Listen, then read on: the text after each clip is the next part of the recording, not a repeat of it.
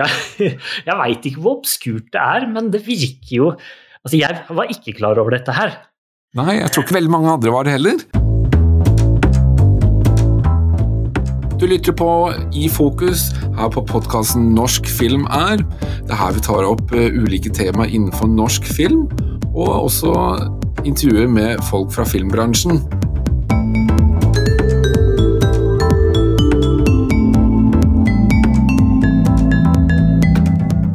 Mitt navn er Lars Kristian, og eh, med meg så har jeg da Robert. Eh, hjertelig velkommen. Hallo, hallo. Vi, eh, vi skal snakke om um, norske Oscar-nominasjoner i dag. Ja, det skal vi gjøre. Og det er jo en god grunn til. Fordi at nå nærmer det seg veldig Oscar-utdelingen, eller Academy Awards, da, for filmene i 2021. Og det er jo da ekstra spennende i år. Eh, Fordi at i år så er vi jo faktisk nominert med et norsk bidrag. Ikke bare én gang, men to ganger. Eh, Vi er jo da nominert i to kategorier, som eh, jeg tenkte. Og det er da filmen 'Verdens verste menneske', som er Norges alibi da, for å følge med på Oscar-utdelingen i år. Ja, den har jo blitt veldig godt mottatt i fjor og, og i år, altså på diverse medier og andre festivaler også. Ja, den har jo vunnet både her og der, eh, litt sånn andre priser. Og det er jo litt spennende at den nå er nominert i kategorien beste internasjonale film, eller beste fremmedspråklige film, Stemmer? og beste original manus. Og der har vi aldri hatt et norsk bidrag før, så dette er jo kjempespennende. Fordi i fjor så ble jo den eh, Så vant jo faktisk den filmen eh, i Cannes eh, for beste kvinnelige hovedrolle, altså med Renate Reinsve i hovedrollen. Det var jo egentlig da den på en måte virkelig ble oppdaget. Ja, altså i Norge så ville jo denne filmen vært godt kjent uansett. Altså den har jo vært godt likt. Mm. Og eh, Trier er jo en, Joachim Trier er jo en kjent mann i Norge, og spesielt da i Oslo-miljøet, kan vi jo på en måte si. Og har, har jo laget mange kjente filmer fra før av. Så at denne filmen hadde slått an i Norge, er det jo ikke noe tvil om, egentlig. Men at den faktisk skulle slå an så bra i utlandet, det er jo litt mer overraskende, kanskje. Det er helt riktig. Ja. Og tidligere i uken også så eh, kom det jo noen nyheter om at den også hadde blitt nominert til BAFTA, altså for beste kvinnelige hovedrolle der, og beste ikke-engelsk film. Eh, så, så eh, det blir jo spennende å følge denne filmen utover året, og, og se hva, hva den klarer å dra med seg av priser. Og vi sitter jo her i studio og eh, krysser fingrene for eh, verdens verste menneske og alle eh, skuespillerne som er med, og Joakim Joachim Trier, som da har regissert den. Hvorvidt det kommer til å bli noe eh, norsk seier eller ikke, eller om vi egentlig tror på det selv, det avslører vi litt grann senere. Ja. eh, helt til slutten av eh, episoden. Om det, blir en, eh, om det blir noe seier for Trier eller eh, for manuset, da. eh, som eh, er en spennende sak. Det er, blir spennende å følge med uansett, altså, Lars. Hva er ditt forhold til eh, Oscar-utdelingen, Robert? For de aller fleste så er vel egentlig Oscar-utdelingen en utdeling hvor du eh, som er liksom films, filmens toppkategori. Du har mange andre utdelinger og priser osv., men når du har vunnet en Oscar, det er da du virkelig har klart det. Ja. Og det er liksom Det er det øverste, den øverste prisen. Kan du holde Oscar-statuetten eh, i hånda, da, da har du virkelig klart det. Ja, ja. Har du pleid å følge med på, på Jeg pleier jo ikke å sitte oppe, det er jo om natta. Ja. Men jeg eh, pleier å lese resultatene i etterkant, og, og, og gjør det egentlig ganske nøye. Mm. Synes det er litt spennende. Eh, Men Oscar er jo ikke uten kritikk. Eh, og man har både fått kritikk for at det har vært for lite mangfold i eh, prisvinnerne, blant prisvinnerne. Eh, men det har jo også vært eh, en del eh, kritikk imot eh, de personene som faktisk deler ut prisen, da. Ja, ja. Jeg, eh, jeg må innrømme at jeg har liksom vært litt sånn av og på med å, å, følge med på Oscar. Altså, det, var, det, har vært perioder hvor jeg har liksom fulgt med, og dette var veldig gøy å se hvem som vinner. Og så har det vært andre perioder hvor jeg liksom ikke egentlig har brydd meg noe særlig, fordi man tenker at Oscar liksom er veldig sånn oppblåst og hypa opp, og det er ikke det er ikke alltid man får inntrykk av at uh, det er liksom at, uh, at det, altså, det jeg mener at det er mange andre gode filmer som også er gode, uh, men som ikke blir, liksom, kommer opp i Oscar-lyset, kan man si. da. Ja, faren her er jo det at man lager filmer for å vinne Oscarer, egentlig. Og at de som vinner Oscarer, ofte er filmer som holder Hollywood litt ekstra bra. Eh, og på en måte beguder den delen som skjer i Hollywood. Mm. Mens kanskje de mest kunstneriske filmene og de nyskapende og de virkelig, virkelig litt sånn ekstra filmene, de kanskje vinner andre priser, som i Cannes f.eks. Ja.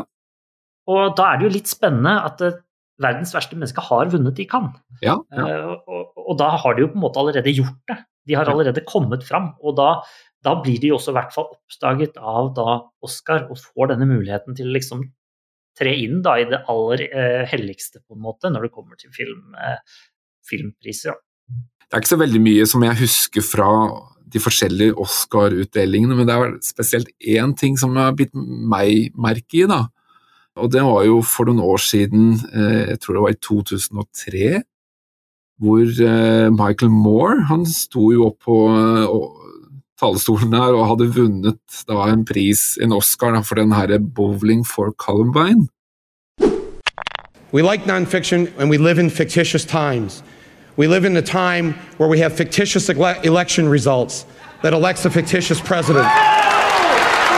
We, we live in a time where we have a man sending us to war for fictitious reasons, whether it's the fictition of duct tape or the fictitious of orange alerts. We are against this war, Mr. Bush.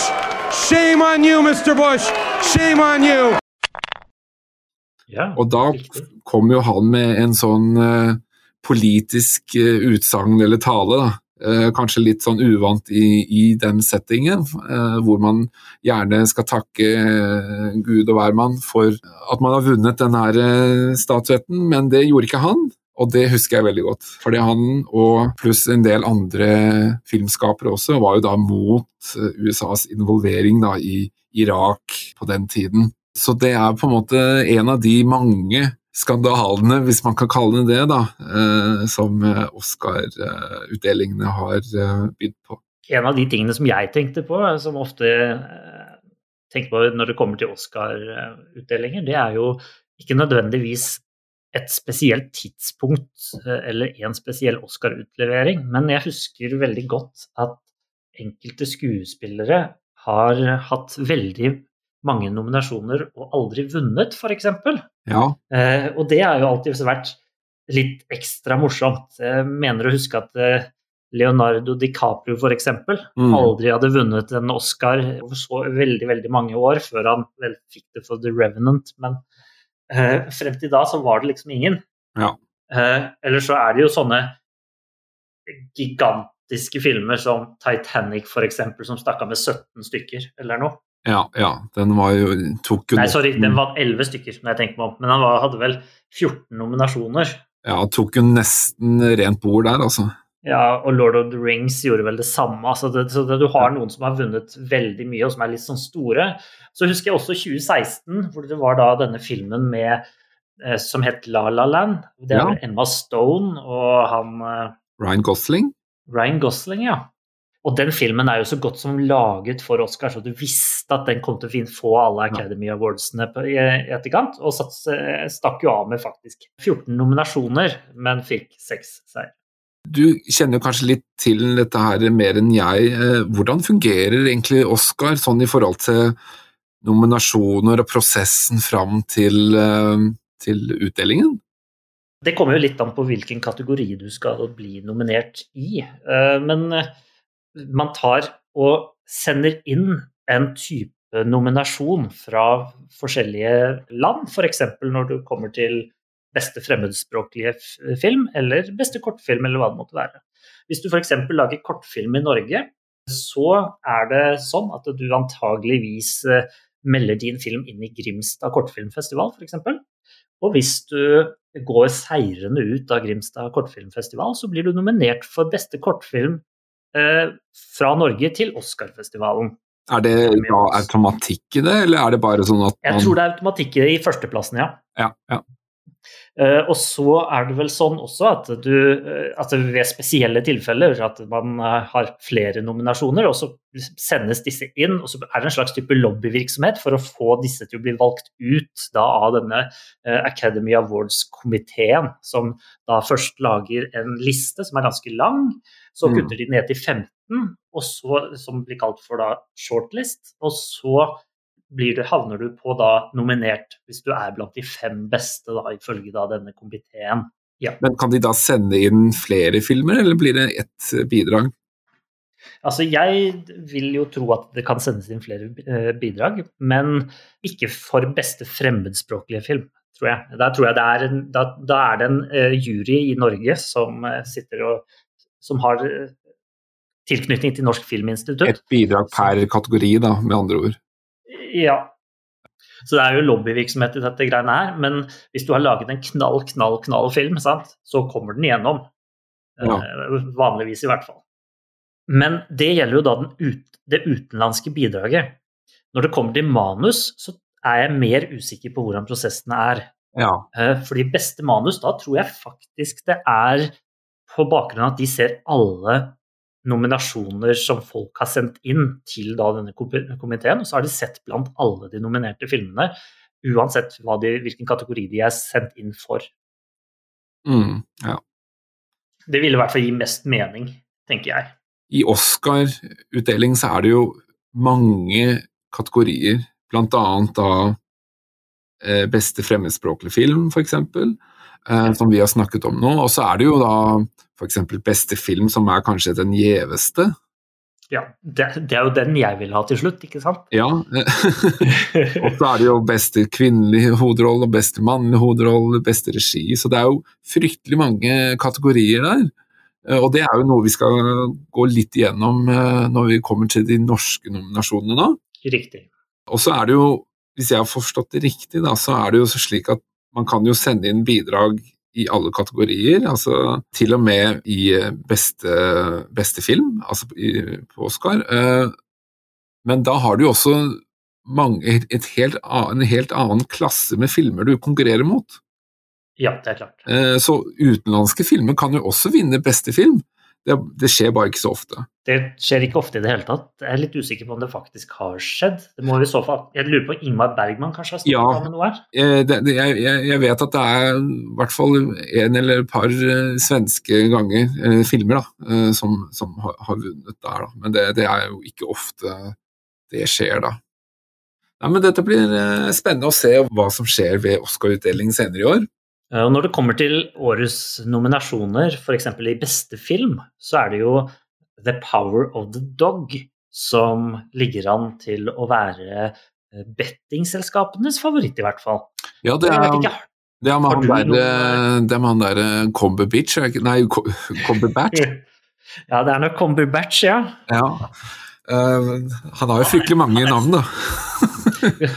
Cumberbatch er en god skuespiller, så, men holder det med bare han for å vinne den eh, prisen for beste film? Da er det jo mer enn én skuespillerprestasjon som må til. Ja, ja, ja absolutt. Jeg, eh, jeg, ser jo at det er andre filmer også som eh, er, er, nominert, altså Don't Look Up, som jeg har sett. Jeg har også sett The Power of the Dog, og, og Dune har jeg sett. Så er Altså, jeg skjønner hvorfor The Power of the Dog er nominert til Oscar. Eh, det er eksepsjonelt skuespill, altså. Men jeg holder en knapp på Don't Look Up. Ja, nå er det jo sånn at eh, der er det vel Leonardo DiCaprio som spiller. Ja. Og han var det jo lenge sånn at aldri vant noe som helst. Ja. Altså når det kom til Oscar. Men han har jo brutt den med The Revenant, så kanskje, mm. kanskje han får en til? Ja, og så er den på en måte Den har fått så mye som mediestyr, og, og mange liker den, og så er det no, mange som ikke liker den. Men den på en måte har en, en litt sånn satirisk historie, eller budskap, da, som jeg tror kanskje kan gjøre at den når opp. Så vi får se. Vi ønsker jo å høre fra deg. Hva tror du eh, kommer til å skje under Oscar-utdelingen, som er snart? Kommer vi til å få noen norsk seier? Blir det eh, Don't Look Up som vinner? Blir det Benedict Cumberbatch som sitter igjen som beste mannlige skuespiller? Hva er det som skjer? Dette vil vi vite. Hvis du har noen spørsmål, så er det bare å sende det inn til oss på de sosiale mediene, hvor vi da er til stede. Facebook, YouTube, Instagram. Vi er der overalt. Og du kan høre på de andre episodene på Spotify, f.eks. Ja, du kan høre på eh, Google og Apple er vi også på.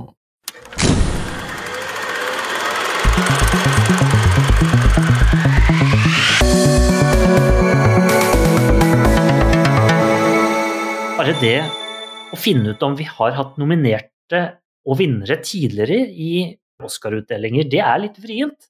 Fordi ja. det er vanskelig å sette ned foten på hva som egentlig er et norsk bidrag og ikke. Ja. Og man kan godt si at Norge har ingen Oscar-statuetter, og man kan si at Norge har to Oscar-statuetter. Ja. Og dette kommer litt an på hvordan man ser det. Eh, og det er rett og slett kontroversielt med begge vinnerne som vi har. Og potensielt den tredje er enormt kontroversiell. La oss si det sånn. Ja. Eh, og med det så tenker jeg på eh, Kon-Tiki fra 1951 som vant, men da gikk jo prisen egentlig til Olle Nordmar. Vi skal snakke om det senere. Og den andre seieren er til Toril Kove i 2006 eh, for den danske dikteren. Og hun er egentlig vært et canadisk bidrag. Så vi skal snakke litt om de når vi kommer videre, men vi tenkte vi skulle gå litt sånn bit for bit igjennom etter hvilken kategori de forskjellige har vært nominert i. Da tenkte jeg at vi skulle begynne med beste kvinnelige skuespiller, for der har vi faktisk én nominasjon. Eh, vi har faktisk to nominasjoner. Ja, er det Liv Ullmann? Ja, det er jo Liv Ullmann. Liv Ullmann er jo, begynner jo nå å bli en godt voksen dame eh, ja. uh, som har vært med veldig lenge. Hun var jo vel uh, tidligere gift med Ingmar Bergman. Ja. Den veldig, veldig kjente svenske regissøren som har vunnet enormt med antall priser. Og Liv Ullmann var jo fast inventar i hans filmer, og når hans filmer var så kritikerroste som de ble, så er det jo naturlig at hun også blitt nominert da i en av de filmene. Ja. Men hun er rett og slett blitt nominert som beste kvinnelige skuespiller to ganger. Begge ganger i svenske filmer. Først i 1971 da ble hun nominert til filmen som het The Emigrants. I hvert fall het den det for selve Oscar-utdelingen. Eh, men den het jo selvfølgelig Utvandrerne på svensk. Eh, og dette er en film som er laget og regissert av en kar som heter Jan Troell. Ja. Eh, og den handler jo om Eh, svenske utflyttere på 1800-tallet, eh, slutten av 1800-tallet, som flytter fra Sverige, tar båten over til USA og skal til Minnesota. Hvor da Liv Ullmann spiller en strålende rolle, hvor hun da er kona i da denne reisefilmen. Eller i denne utflytterfilmen da, som skal fortelle om svensk emigrasjonshistorie. Er det en film du har sett, Lars? Nei, eh, jeg må innrømme at jeg har ikke sett uh, The Immigrants eller Det er også den andre filmen, det var Face to Face. Ja, Ansiktet mot ansiktet. Ja. Jeg har ikke sett noen av de filmene, må jeg innrømme. Riktig. Um, og hvis vi tar den første, da, fra 1971 her først, så er jo det vært en viktig film. Den er basert på noveller osv. Og, så videre, og er litt rar på mange måter. Eh, fordi den er bygd opp litt snodig.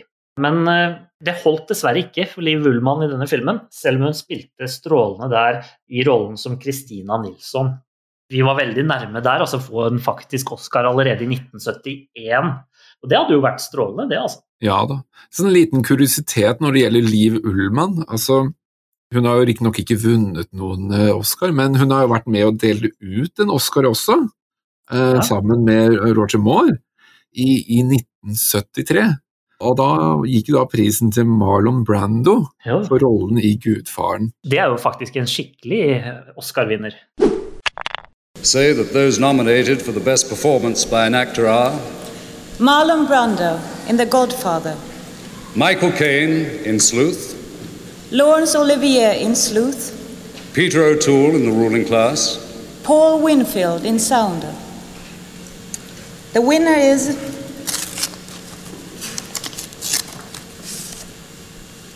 Marlon Brando in The Godfather. Hello, my name is Sasheen Littlefeather. I'm representing Marlon Brando this evening, and he has asked me to tell you that he re- very regretfully cannot accept this very generous award. Men det som var, det er jo at han valgte jo ikke å motta den prisen. Fordi eh, han eh, var litt kritisk mot hvordan eh, USA hadde fremstilt indianere sånn i, i, i filmer og bøker og, og andre ting, kanskje.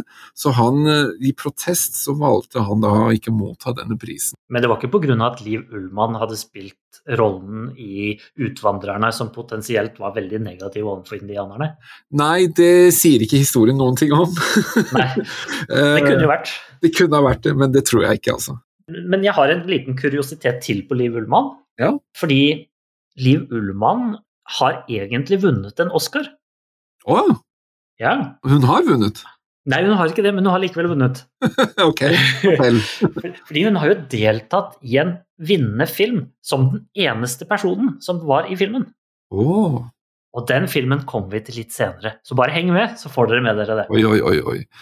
Men den filmen hun har vært nominert for, da, det er jo da eh, 'Ansikte mot ansikte' i 1976. Som det er en svensk film laget av hennes eh, mann, eh, Ingmar Bergman. Eh, og dette er egentlig en TV-serie på fire deler. Oi. Som de klippte ned til et Oscar-bidrag. Ah, Eh, så at den ble litt annerledes enn TV-serien, ellers så hadde den blitt diska. nettopp. Så her spilte hun en psykiater, doktor Jenny Isaksson. Og denne filmen tar for seg masse drømmer og Altså hennes drømmer, da. Og rett og slett psykiske problemer og, alt mulig rart. Og dette her er jo veldig typisk Ingmar Bergman-filmer. Mm. Eh, Hans filmer de er veldig mørke og tunge ofte. Ja, litt sånn eh, symbolikk og mye sånn Mye. Ja. Dype filmer. eh, Men strålende laget, selvfølgelig. Ja. Eh, Men eh, ja, Ingeborg Bergman hadde hovedrollen i den filmen, altså. Eh, Og vant også holdt på å si vant ikke, men hun ble nominert for, som beste kvinnelige skuespiller på bakgrunn av filmen 'Ansikte mot ansiktet i 1976. Neste kategori som Norge har gitt et bidrag til, er jo da for beste regissør, altså da Morten Tyldum, med filmen The Imitation Game, også med Benedict Cumberbatch, som vi nevnte tidligere, i hovedrollen. Og for en hovedrolle! Ja, og du har sett den?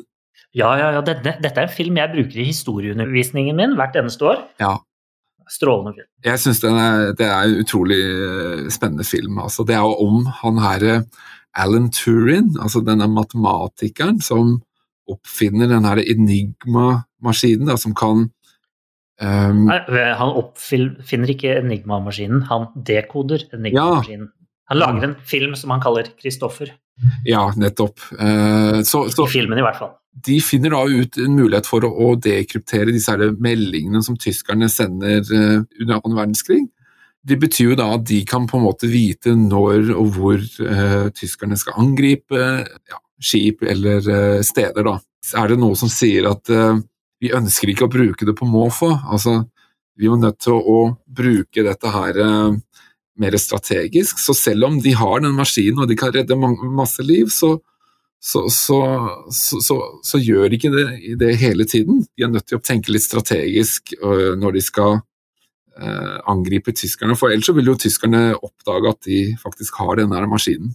Så det er sånn veldig sånn øh, et dilemma som oppstår under historien, og det syns jeg er utrolig spennende. altså. Det er masse utfordringer i denne historien her, eh, i det hele tatt. Mm. Det, det blir jo fremstilt at de egentlig er ganske få personer som jobber med dette her, men i virkeligheten så var det jo 10 000 mennesker som jobba på Bletchley Park. Eh, og det er jo klart det at man spiller jo inn Alan Turings kjemperolle, og han hadde en kjempestor rolle, og han var kjempeviktig. Men eh, det er jo en film for å vise Alan Turing. Og likevel så har jo denne filmen blitt kritisert fordi at den ikke Altså, den har la litt lokk på Turings sin seksualitet, og han var jo en homofil mann. Men når jeg ser den filmen, så skjønner jeg egentlig ikke det, fordi at det er jo en av hovedpremissene for hele filmen. Mm. Så jeg synes det er litt rart at den, del, den har fått en del kritikk da, for at den har underspilt det. Men jeg synes jeg, jeg, jeg heller ikke at den ikke fikk fram det på en god måte. Men nå, nå kjenner jo ikke jeg hans eh, liv og virke så godt, da. Uh, altså Alan Turin. Men, uh, men jeg syns i hvert fall det er en spennende film, og utrolig bra regissert av uh, Morten Tyldum. Ja, Morten Tyllum er jo, for de som da eventuelt ikke måtte vite det, så var jo han kjent fra å ha regissert Buddy Ja, eh, tidligere. Så han har, var jo en kjent mann i Norge, som har, fordi Buddy dro jo med seg det som var av priser i Norge. mm. Eh, ja da. Det var jo den han slo igjennom med, tror jeg. Ja, Buddy, ja. Og så har han jo laga Hodejegerne. Men eh, det er jo Imitation Game som er hans store utenlandske film. Ja, stemmer. Eh, Og, og Imitation Game er jo heller ingen norsk film. Det, det er jo det er bare det at den har en norsk regissør. Ja, og det, det holder jo for oss. Ja, I, vår, vår sammenheng er jo det plenty. Ja, Eh, og, og det holder for hele Norge. Ja, helt riktig. En annen ting som er litt morsomt, og helt sikkert for Morten Tyldum spesielt, er jo at denne filmen spilte inn 233 millioner dollar. Mm. Nesten kosta 14 millioner å produsere. Oi. Ja. Det høres ut som en deilig payday. Ja, ja det, det høres ut som den ble eh, populær, eh, det var populær. Ja. Men det er jo ikke noe rart heller. Dette er en veldig spennende historie, og du har gode eh, skuespillere. Charles Dance Mm. og Benedict Cumberbatch f.eks. Og de, er, de glitrer jo. Så er det selvfølgelig Keira Knightley også, selvfølgelig. Ja, ja, ja. De er jo kjempeflinke alle sammen. Den neste kategorien, det er jo den kategorien hvor det er nominert flest norske bidrag. Ja, Og det er jo beste fremmedspråklige film. ja. Og Norges første bidrag i denne kategorien, det var da Arne Skauens Ni liv fra 1957. Er det en film du har sett? ja, jeg har sett Ni liv, og jeg har faktisk sett alle disse her filmene i, eh, i denne kategorien som, er, som Norge har nominert. Bortsett da fra 'Verdens verste menneske', som jeg ikke har fått sett ennå. Men eh, ja, Ni liv eh, har jeg sett. Det er jo om han herre Jan Baalsrud. Altså Ja. den herre karen som må overleve oppe i fjellet. Han rømmer jo fra tyskerne.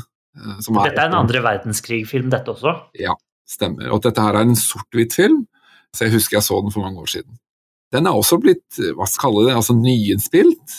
Eh, Ja. For noen år siden så kom da ut eh, Den tolvte mann, eh, som eh, også er om samme person, da, altså Jan Baalsrud. Denne ble jo bare nominert, den vant jo ikke. Nei, Eh, Kanskje litt overraskende, egentlig. Det er jo en av de store norske klassikerne som vi kanskje kommer til å lage en episode på en gang i fremtiden. ja, og så er det jo i, i en av rollene, det er jo ikke en hovedrolle, da, men en av rollene så er det Henny Moan som Ja, spiller. Uh, og um, hun er jo med fra en annen film som vi har snakket om. Vet du hvilken film det er? Nei, hun, er, hun spiller da med i De dødes tjern. hun gjør det, ja. Ja. Hvem, hvem var det Henny Hun Moan spilte jo, hun spiller jo den her um, damen, som, eller jenta, som har disse her drømmene, og som, som går i søvne og, og, og beveger seg liksom opp mot dette her kjernet. Ja, så rett og slett hovedpersonen dette er snakk om, altså, som var Ja. nivået. Ja. Så, så hun spiller også, altså med inn i liv, og, har du lyst å høre på eh, vår nerding om De dødes tjern, så går det noen episoder tilbake. Eh, Det er vel første Nei, det er ikke første episoden. De dødes tjern er i hvert fall en film som er virkelig verdt å se. Og jeg anbefaler også å høre da podkastepisoden om De dødes tjern. Eh, det er en veldig spennende film med gode norske skuespillere som deltar i den filmen. Ja, Henki Kolstad, som vi Henke ofte Kolstad, har nevnt. Uh, ja, uh, se filmen og lytt på vår episode. altså Det er episode nummer fem, hvor vi da nerder om De dødes tjern, altså fra 1958. Ja. Men Henki Kolstad han har ikke vunnet noen Oscar. Han har vel heller ikke blitt nominert til noen Oscar. Nei. En som derimot har blitt nominert, er jo Nils Gaups 'Veiviseren' fra 1987. Ja, og Nils Gaup har vi jo også prata om uh, før. Vi har vært innom han uh, flere ganger. Ja, det har Han, vi. er vel, han må vel være Norges uh, Steven Spielberg, tror jeg. Han har jo Altså, de filmene som han har hatt fingrene i, altså det er jo altså Hodet over vannet, som, som vi har snakket om tidligere også. Ja, det var vår første episode. Det var vår første episode, altså hvor vi da snakker om, om filmen fra 1990, skal vi se, 1993. Og han har jo også andre filmer, altså um, Kaito Keino-opprøret er en film han har uh, regissert, og så har han jo Håkon Håkonsen, så han har jo rekke Det det er rett og slett norske tungvektsfilmer, det, altså. Ja da. Det, og, og, det er underholdende filmer, altså, altså, gode filmer som på en måte er gøy å se. Ja, så holder de seg ganske godt. Ja, absolutt. Veiviseren, det er jo en um, historie om uh, oppe i, uh, fra Finnmark, om, uh, om samer. hvor det er en Altså, nå er det lenge siden jeg har sett den, så jeg husker ikke helt handlingen, men det er noe med at det er en, en, en, en samegutt som skal lede noen, noen fiender da, til et sted, hvis jeg husker riktig. Da høres det ut som at du burde se den filmen en gang til. Ja, jeg tror jeg skal se den, for jeg, jeg har ikke helt den handlingen i, i boks, altså. har du sett den? Ja, jeg har sett Veiviseren, jeg òg, men det er jo enormt mange år siden. Jeg så den vel lurer på om jeg så den på ungdomsskolen, så det begynner å bli Ja. veldig mange år siden. Og det var jo VHS-kvalitet. Ja, ikke sant. Så det, det er på tide kanskje å se den på nytt igjen. Ja, ja. Men vi har jo flere filmer som har vært nominert til beste fremmedspråklige film. ja. Berit Nesheim, det er et navn som er litt ukjent for meg. Hun lagde i 1996 en film som heter 'Søndagsengler'. Den ble nominert, men fikk heller ingen seier. Eh, har du sett den filmen, eh, Lars? Jeg har sett søndagsfilmer. Eh, Søndagsengler har jeg sett. Søndagsfilm er noe helt annet.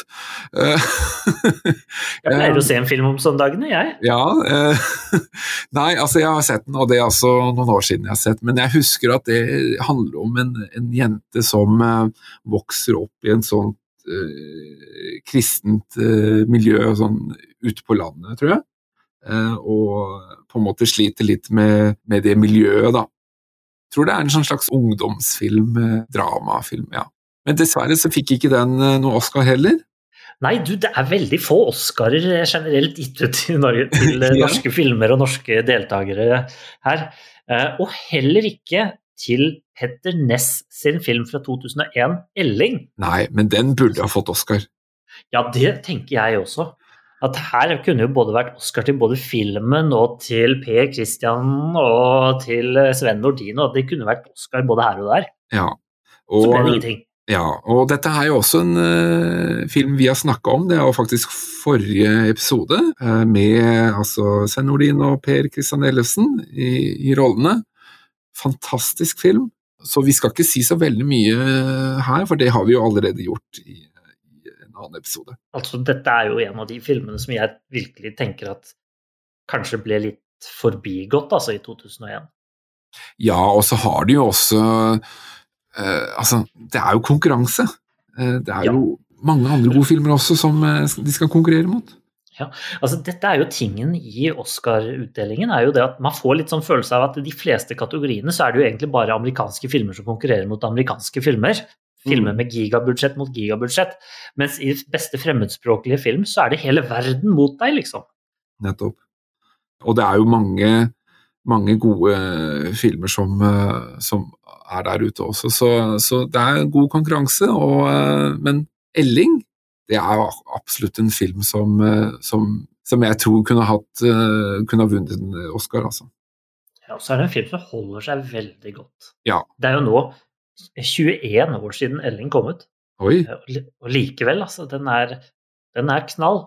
Hør på forrige episode i podkasten hvis, hvis du lurer på hvordan to skrullinger kan mene at den er bra.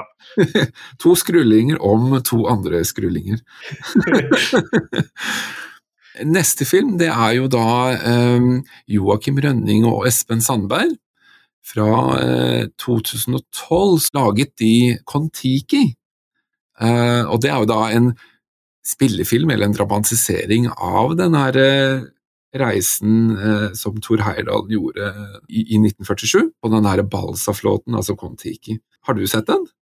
Ja, den har jeg jo sett, og det er jo en spennende, og fin film. eh, Men Ja. jeg føler liksom at den kanskje ikke er helt på samme nivå som flere av de andre filmene som er nevnt her. altså. Nei, altså det, det, det er absolutt en, en grei film og underholdende, men jeg, jeg hadde noen tanker og, og, Ja. om den når jeg så den. Nå skal ikke jeg komme inn på det her og nå, det kan vi gjøre når vi velger den filmen og snakker om hele filmen. Ja, for det kommer vi jo til å gjøre. altså Dette er en av de større filmene de siste ti årene.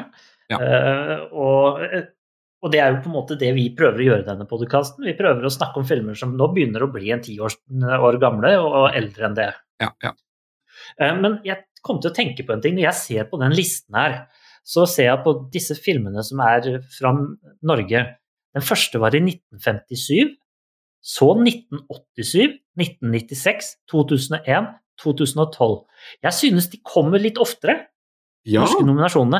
Vi har jo ikke kommet godt gjennom alle eh, kategoriene ennå heller. Så kan dette her fortelle oss noe om at norske filmer har blitt mer anerkjent i utlandet? det tror jeg. Nå, nå er det jo også litt sånn at uh, norske filmer ofte får uh, mer oppsikt i utlandet enn eh, her i Norge.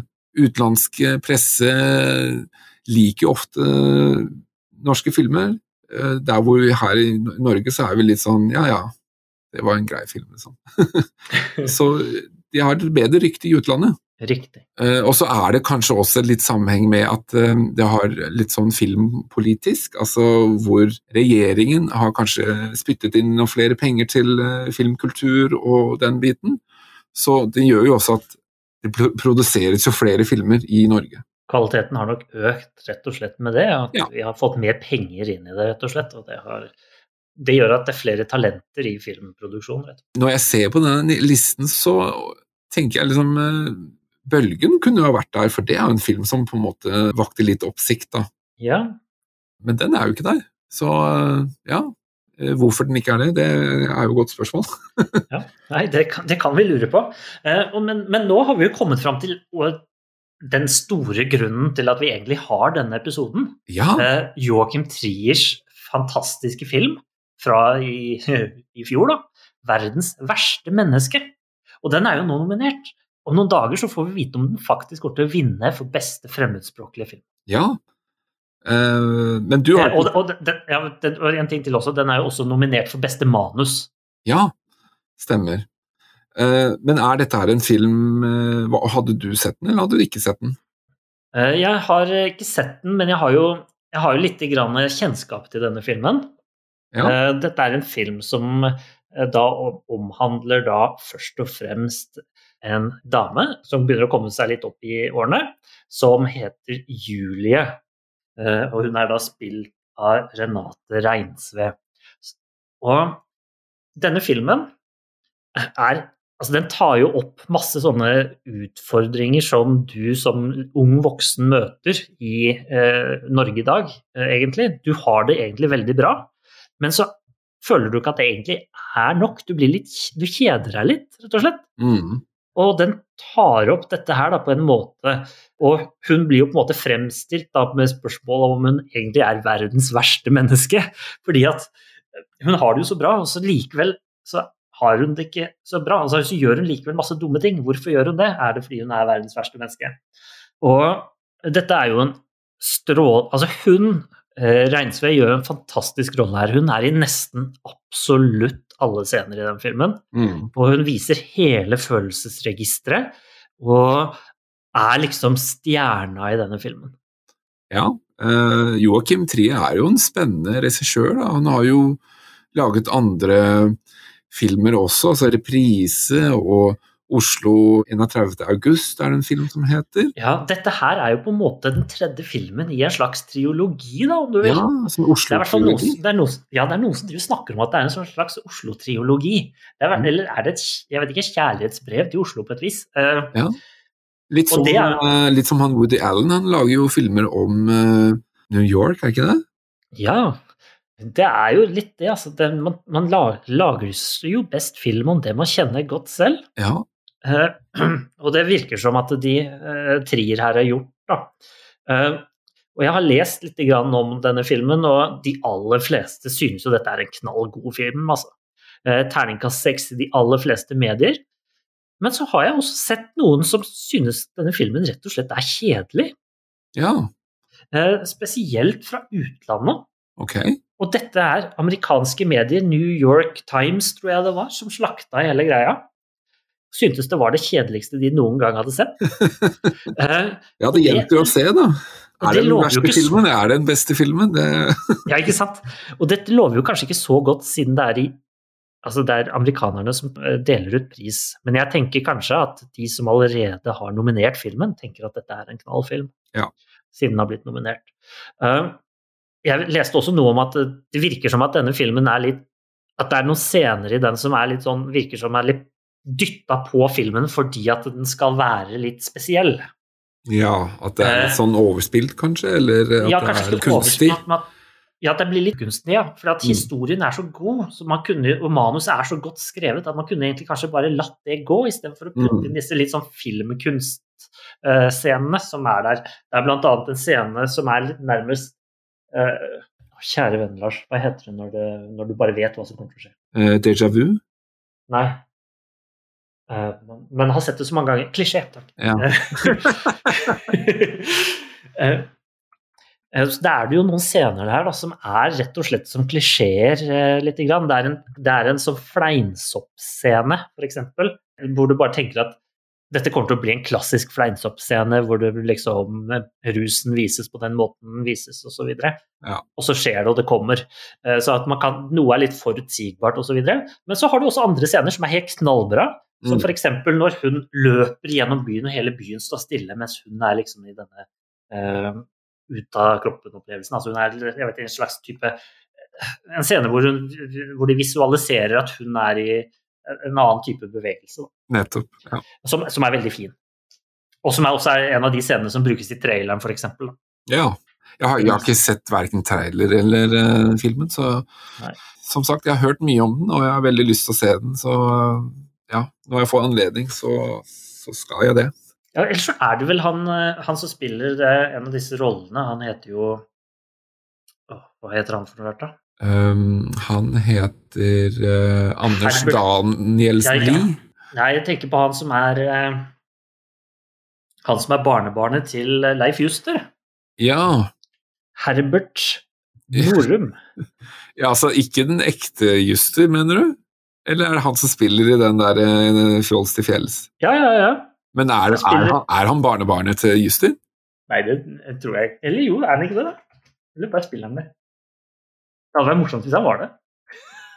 Ja, det, det, det hadde Jeg tror han bare spiller det, egentlig. Men uh... Det står ikke noe at han er noe slekt til uh... Nei, det hadde jo selvfølgelig stått. Men han spiller, Men han, er, han spiller at han er det. Ja, Og det er det som er morsomt. Ja. Så det er han jo kjent for og har gjort.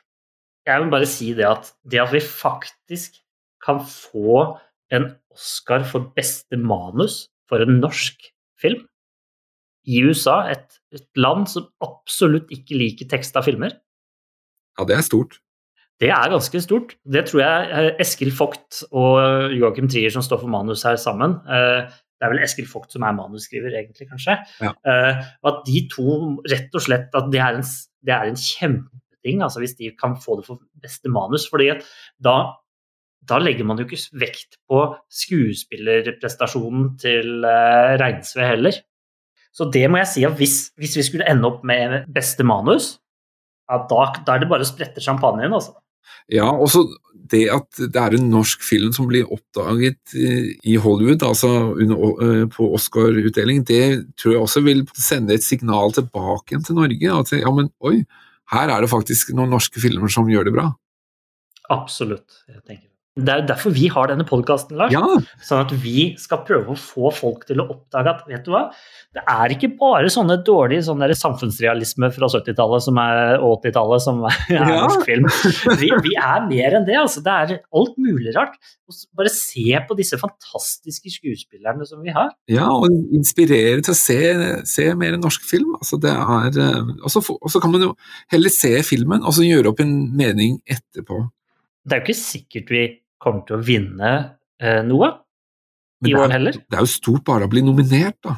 Ja, altså vi går jo her igjennom alle filmene, og det er ikke mer enn liksom ti filmer. Altså det er, det er ikke kjempemange filmer i det hele tatt. Nei. Og da er det litt ekstra stort, rett og slett, at vi nå har, har det. Og jeg, jeg må også si at vi har flere nå enn det vi har hatt tidligere, og, og det tror jeg folk burde tenke over, altså at den norske filmer rett og slett har blitt litt bedre. Absolutt. I hvert fall så har avstanden til utenlandske filmer blitt mindre. Men vi skal gå videre til neste kategori.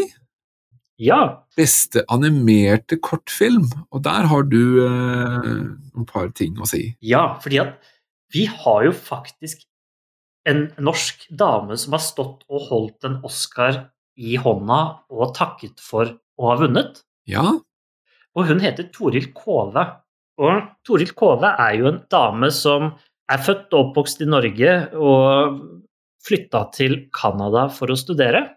Og hun var i Canada i flere år før hun egentlig begynte å lage film.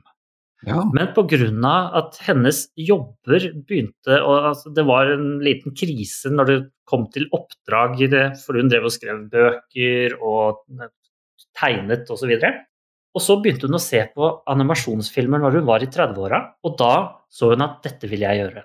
ja. Så begynte hun å lage filmer. Og den første filmen hun lagde, heter My Grandmother Ironed The King's Shirt. Den har jeg hørt om, men jeg, tror, jeg har aldri sett den. Nei, den har ikke jeg heller sett. Men den handler da altså om denne personens bestemor, som faktisk drev og strøk skjortene til kong Haakon den syvende i mange år. Ja, Så det skal visstnok være noe sant i den, altså. akkurat. Altså hennes egen bestemor, eller? Ja, jeg tror det. Men denne filmen vant jo ikke. Nei, men hun laget en kortfilm til senere. Ja, hun har jo laget flere filmer, og i 2006 så prøvde hun seg en gang til med Den danske dikteren, og den gikk jo hen og vant hele greiene. Ja, Og før vi starta dagen i dag, så visste jeg at på jobb så har jeg en DVD eh, som har en gullside, en gullforside. På den gullforsiden så står det Norsk Filminstitutt presenterer Norsk kort 006. Og det er jo rett og slett de best, 28 beste kortfilmene laget i Norge i 2006 inkludert denne her. Inkludert Toril Koves film 'Den danske dikteren'. Og dette her er en nydelig film. Jeg så den rett før vi skulle ha podkasten nå. Og dette er, den, den er litt fluktig. Altså, den hopper litt, grann, og den, den, en, hand- den starter på en handling, og så bytter handlingen litt, og så videre. Og det er tegnet med veldig sånne rette streker. Så animert med et sånn tegneserie, tegnefilmaktig. Ja, Og kan på mange måter minne litt grann om gamle barne-TV-ting, ja, for de som tenker på det. Og dette handler da om en dansk dikter som ikke eh, klarer å komme på noe å skrive om, og dikte noe. Og det er jo dumt for en dikter. ja, Så han drar til eh, biblioteket og ser etter om han kan finne hvordan han kan få inspirasjon. Og han, da ser han på eh, mange eh, Da ser han på filmer om For han får tips om at kanskje han skal prøve Nor Norge. Så så han på en bok hvor det står noe om norske personer som egentlig ikke er norske, men danske, eller svenske som ikke egentlig er svenske, men norske, osv. Som det handla om det, da. Og der er det flere sånne referanser hvor han da etter hvert kommer opp med Sigrid Undset sin eh, Kristin Lavransdatter, som er jo dette svære, digre bindet. Og som han da leser, og han tenker at han skal reise til Sigrid Undset for å snakke med henne. På veien møter han da en eh, dame som han ønsker heller Så han glemmer Sigrid Undset, og så vil han heller ha denne damen. og så reiser de tilbake, og vi ser noen flotte eh, så får han ikke det fordi at damen er forlovet med nabogutten, som ser ut som den idioten. Og så reiser han tilbake til Danmark, og så tar han danskebåten. Og det er helt nydelig tegnet, alt sammen. Og på danskebåten, hvem er det som pleier å være på danskebåten, Lars? Ja, det er vel danskere, det, da. Det er dansker og fulle nordmenn, ikke sant? Ja, ikke sant? Fulle nordmenn som rangler der, ikke sant? og to backpackere, og det er, det er veldig fint. Ja. Og jeg hadde frysninger når jeg så på denne filmen. Ja. Den var helt nydelig. Men jeg hadde en Liv Ullmann-referanse. Ja. Fordi det er Liv Ullmann som leser stemmen Oh. i filmen. Så hun er den eneste personen man hører gjennom hele filmen. Hun er alle personer. Hun endrer ikke stemmen i det hele tatt. Hun leser den. Ah. Og det gir en sånn trygghet og følelse av fin, altså finhet, denne filmen. Så Liv Ullmann har jo egentlig vunnet en Oscar, men hun har jo ikke vunnet en Oscar. Fordi det er jo Tor Toril Kove sin Oscar. Men du sa i starten at um, de to norske filmene som har vunnet noen Oscars, som inkludert denne, at det var noe sånn kontroversielt over det? Ja, og grunnen til at eh, jeg tenker at denne er litt kontroversiell, er jo at denne er jo produsert av det canadiske filminstituttet sammen med da et norsk selskap. For den handler jo om Norge og Danmark, denne filmen, og det, den er på norsk. Det er Liv Ullmann som leser, og det norske filminstituttet har Nei, et norsk filmselskap har også en finger med i spillet. Men den er eh, hovedfinansiert, eh, så vidt jeg har forstått, av det canadiske filminstituttet. Og Toril Kova har også vært i Canada eh, siden hun var student og har studert og jobbet i Canada i en årrekke. Ja. Eh, så, så den er jo litt kontroversielt om vi kan si at det er en norsk eh, eh, seier og en norsk Oscar, men jeg personlig mener at dette er en norsk Oscar. Ja. Jeg kan ikke skjønne at den skal bli mer norsk enn den er. Den blir jo omtalt som en norsk film. Absolutt. Så vi eh, gratulerer Toril Kove Absolutt. noen år etter, men, men er jo- Mikrofilm heter selskapet forresten i Norge. Hva sa du? Mikrofilm heter det. Det er den ene norske filmen som har vunnet Oscar, Ja. og på lovlig vis, holdt jeg på å si. um, så um, Men det er rett og slett noen fine bilder. altså at Toril Kove står der med en eh, Oscar. Det er en av de få gangene, og det er den eneste gang vi kan si at en nordmann har stått med en Oscar i hånda. Ja, faktisk har jeg sett et bilde av Tor Heyerdahl holder en statue også, så eh, Ok, men eh, i så fall altså, Jeg kan òg kjøpe en statue på eBay. Ja da. Vet ikke eBay fant ut da? Nei, det er sant. Nei da, men det, det skal være den, den som Kon-Tiki fra 1951 har. Ja, jeg skjønner. Men, men, men, men ja, Det eh, kommer vi til. det kommer vi til. Og da er det jo da neste film, som er, eller neste kategori er det jo da beste kortfilm. Dette er jo ikke animert, men dette er live action på en måte. Ja, Så her er det en film laget av Halvard Witzøe eh, som heter Tuba Atlantic. og det er jo vår neste film vi skal snakke om Ja, i neste Så- episode. ja, så den får dere høre masse om eh, i denne episoden. Og da Her er det rett og slett en kontrovers. Ja, hva, Fordi- for den ble jo disket. Ja, den ble jo diska, og dette er jo en snodig sak som jeg er litt usikker på eh, enn så lenge. Eh, men den, har da, den ble da diska fordi den hadde vært vist på NRK før utdelingen. Eh, eller året før, eller noe sånt. Og da, dermed så var det ikke en kinofilm eller noe sånt som var eh, Nei, for den skal da ha premiere på kino, er det det da som er kriteriene, sikkert? eh, noe sånt. Mens eksempel da Vi nevnte jo Liv Ullmanns nominasjon i Face to Face, eller Ansiktet til ansiktet. Eh, Det var jo en tidligere TV-serie, men den var klippet om til en film, og dermed var det en ny film. Nettopp. Denne her derimot fikk da trukket sin nominasjon, men da hadde jo allerede Halvard Witzøe og hele gjengen bak filmen, de hadde jo rukket å være i Hollywood og hele pakka. Så de, Så de kom til den gratis maten, og så dro de igjen.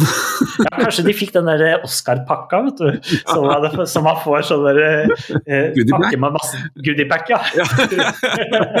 ja, men da har vi jo kommet til det, fått det vi skal, da, så Men hvis dere har lyst til å liksom vite litt mer om eh, filmen Tuba Atlantic, så ligger jo den filmen ute på nettet, eh, som kan streames, eh, fra, og det er Halvor Witzøe selv som har lagt den ut der, så det er fullt mulig å gjøre. Ja, vi, vi legger jo selvfølgelig en link i uh, shownotes, så du kan uh, følge. Neste kategori. Ja. Fordi at nå er det jo ikke mange kategorier igjen, nå er det jo egentlig to kategorier igjen. ja, neste er jo da beste dokumentar. Ja, og her har vi nok en vinner. Eller vi har vår andre vinner, eller vår første vinner, om du vil. Ja. Men er det egentlig en vinner? Og, eh, altså, den er jo vinner, men er det en norsk vinner? Ja, altså det er jo det, store spørsmålet, og jeg tror mange regner den som en, eh, en, en norsk øh, Oscar, fordi det er jo beste dokumentar, og filmen er jo da Kon-Tiki fra 1951, som er en norsk film.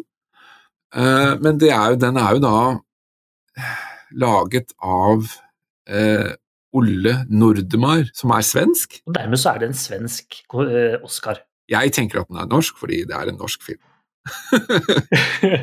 Men eh, altså, det er jo mange filmer som har hatt eh, scener i, i Norge. Altså, James Bond hadde en scene i Norge. Hvis James Bond skulle gått hen og få en pris, hadde det hadde ikke vært en norsk film av den grunn. Nei da, det, det, det, det er det ikke, altså. Men, men eh, ja, det, det, det er et godt spørsmål. Eh, men jeg, jeg tipper det er noen, at det er noen flere norske investorer i dette her, da. Så det, det, det er, jeg tror ikke det er det er ikke, sånn at, er det ikke sånn å forstå at denne filmen egentlig er klippet av Olle Nordmar?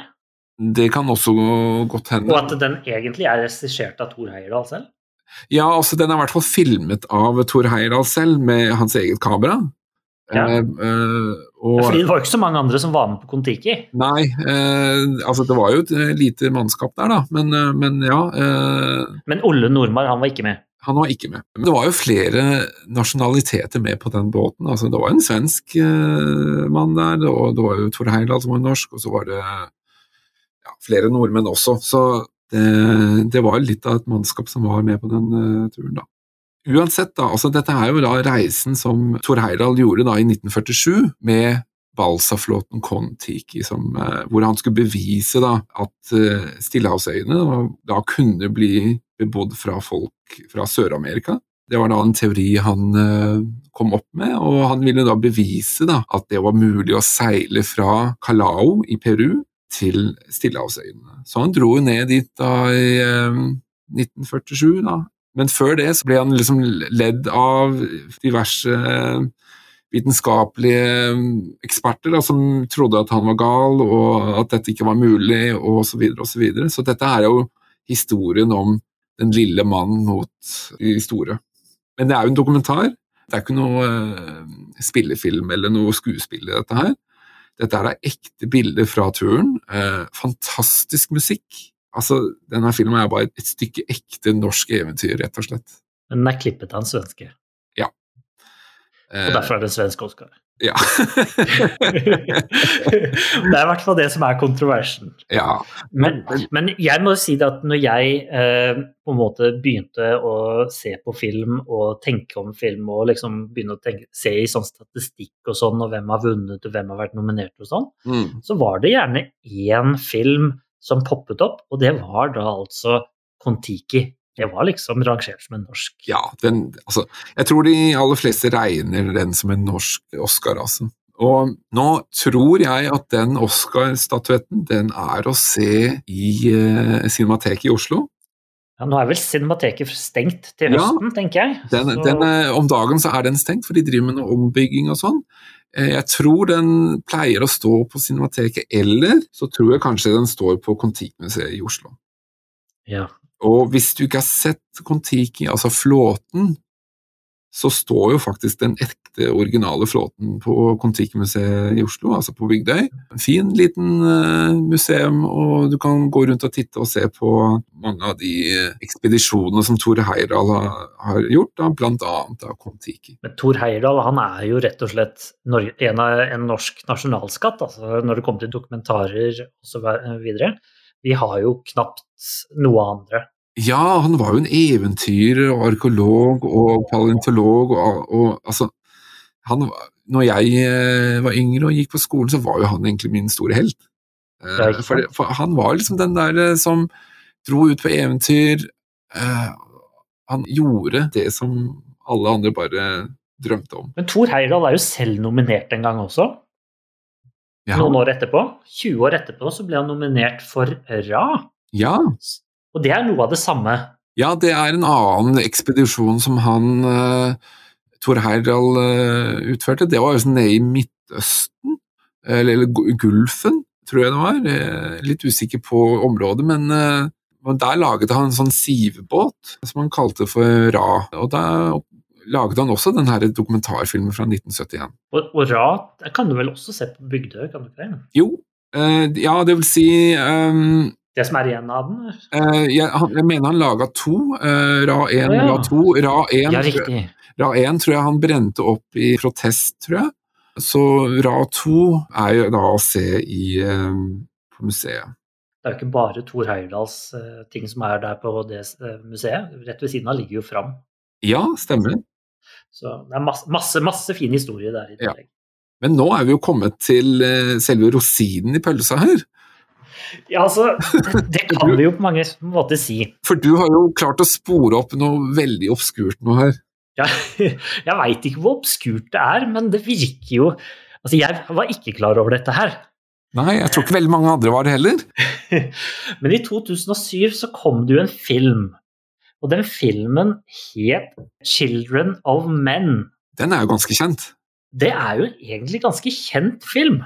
Eh, av en kar som heter Alfonso eh, Hva heter han for noe? Curon, er det det han heter? Ja, mulig. Jeg husker ikke helt eh, hvem som har regissert den. Det er en slags type dystopisk action-thriller-film. Nettopp. Eh, en ganske spennende sak.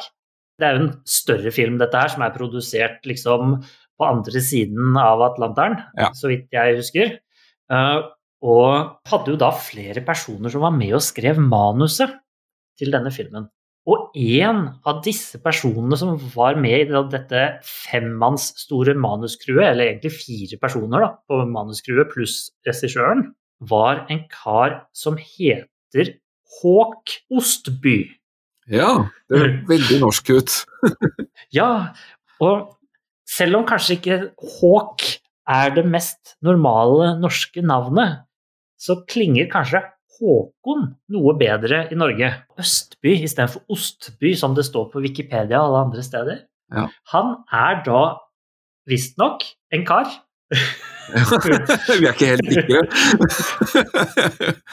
Nei, det er litt usikker på opprinnelsen til han fyren her. Altså, men altså, Håk Østby, han skal da, eller Håkon Østby, eller hva han heter for noe rart, han skal da visstnok være født i India rundt 1966. ja, og så er han jo vokst opp i Norge.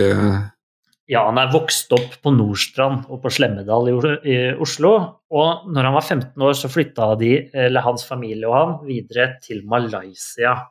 Ok, Eh, og moren hans er indisk, og faren hans er norsk. og han, det står jo at han er norsk. Ja, og søstrene hans er fra Sverige. Ja, naturlig nok. Ja, ikke sant? Så han er en fyr som er litt sånn omreist, da kan vi si, og kan være litt vanskelig å plassere. Men han har vært i USA da fra han var 19.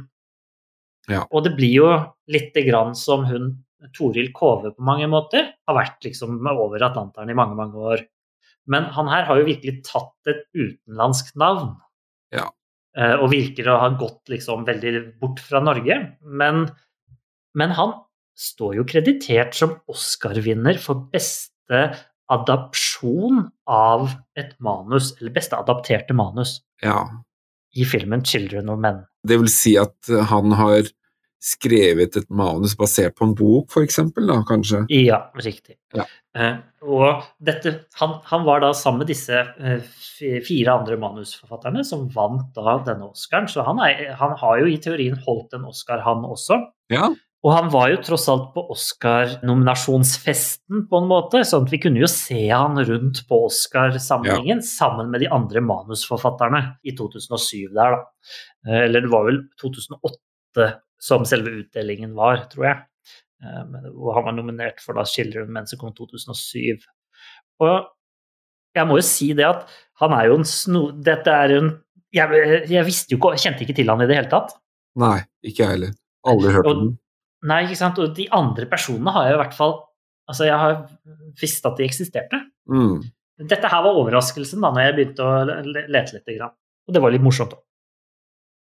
Da er vi jo kommet til veis ende når det gjelder de norske Oscar-nominasjonene. Altså, vi har jo da talt opp eh, to, ja, vi vil si to Oscar-vinnere. Altså for eh, Tore Kove med Den danske dikteren, og så er det da Ole Normar eh, med Kon-Tiki i 1951.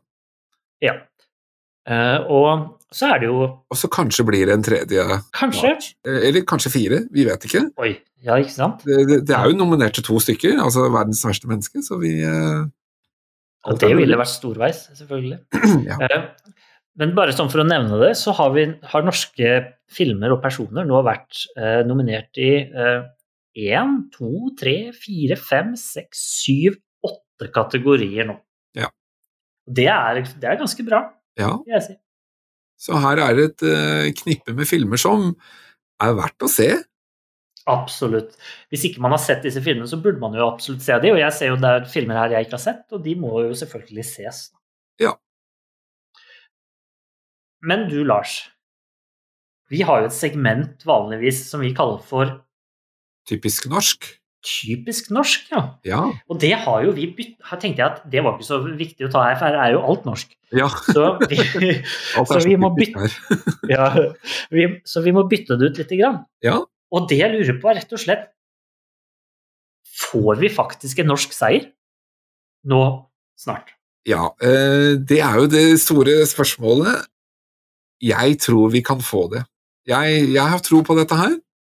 Jeg krysser eh, armer og bein og hår og neser og alt jeg har Ja. for at uh, verdens verste menneske eh, kommer til å vinne Oscar.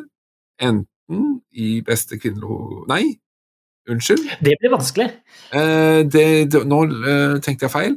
Det er jo for beste fremmedspråklig film.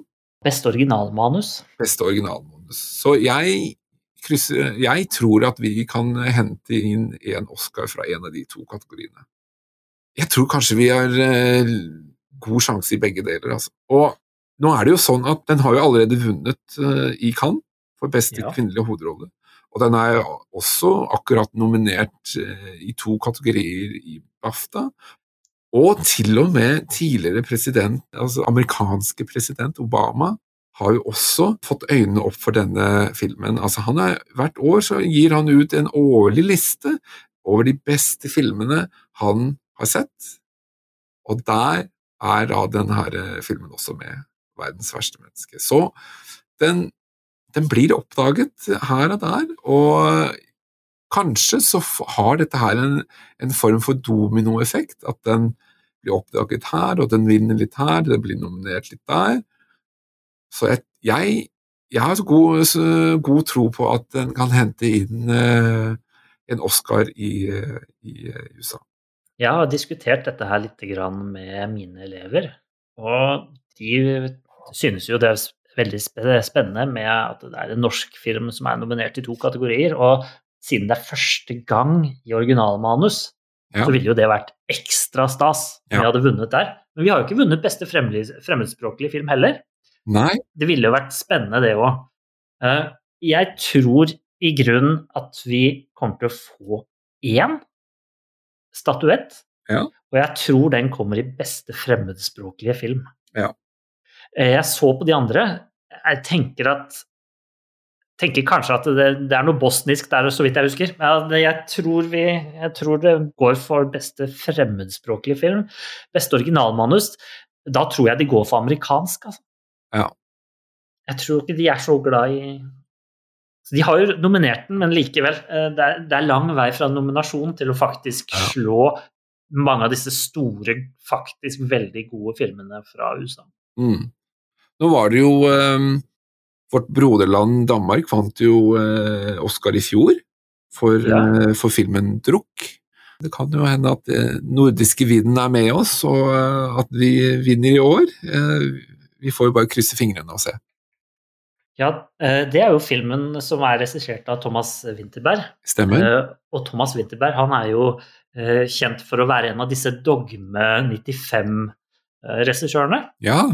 samme von Trier. Må ikke forveksles med Joachim Trier. Nei, ikke sant? For de er ikke helt samme person. Nei. Men han lagde jo 'Festen', blant annet, på midten av 90-tallet. Eh, En film som er kjempeanerkjent. Mm. Og det som er litt rart å tenke på, er kanskje at Danmark ikke vant noe Oscar for disse litt sånn spesielle filmene sine midt på 90-tallet. Eh, Men at de derimot nå eh, gjorde det jo sterkt i fjor da, med at de vant. Ja. Og i år så har de også et annen kandidat, en, som er laget av en som heter Jonas Rasmussen, som heter 'Flukt'. Ja. Eh, Men jeg har likevel, jeg holder likevel altså knappen på at jeg lurer på om kanskje det blir asiatisk i år, altså. Ja. Hvis ikke det skulle bli norsk. Ja. ja. Men, men jeg tror det blir norsk. ja jeg, jeg, jeg tror også det blir norsk, altså. Jeg, jeg har veldig stor tro på det, altså.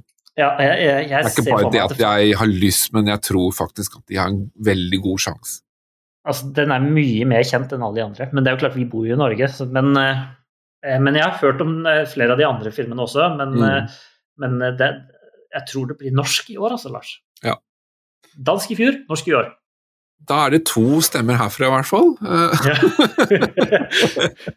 La oss håpe det teller. ja. Så de hører på oss.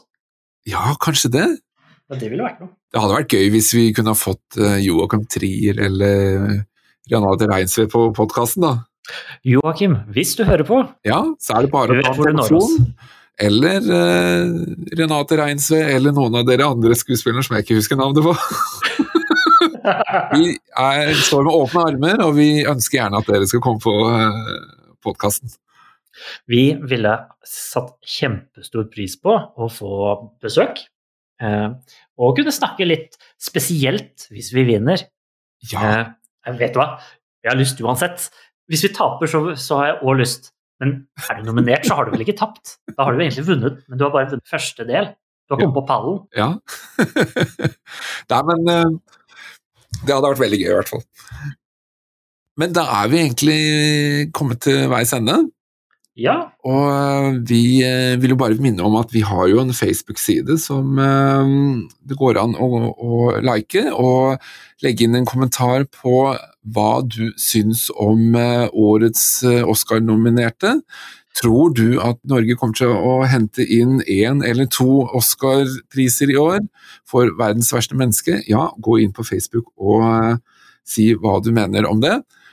Og så anbefaler jo jeg alle å se på Oscar-utdelingen i år, siden vi faktisk kan vinne. Ja, Og hvis du skal følge festen, send inn litt bilder da, av hvordan festen er i, i heimen, gjør det. eh, så at vi kan delta, vi, kan, vi på en måte kan delta med dere. Ja.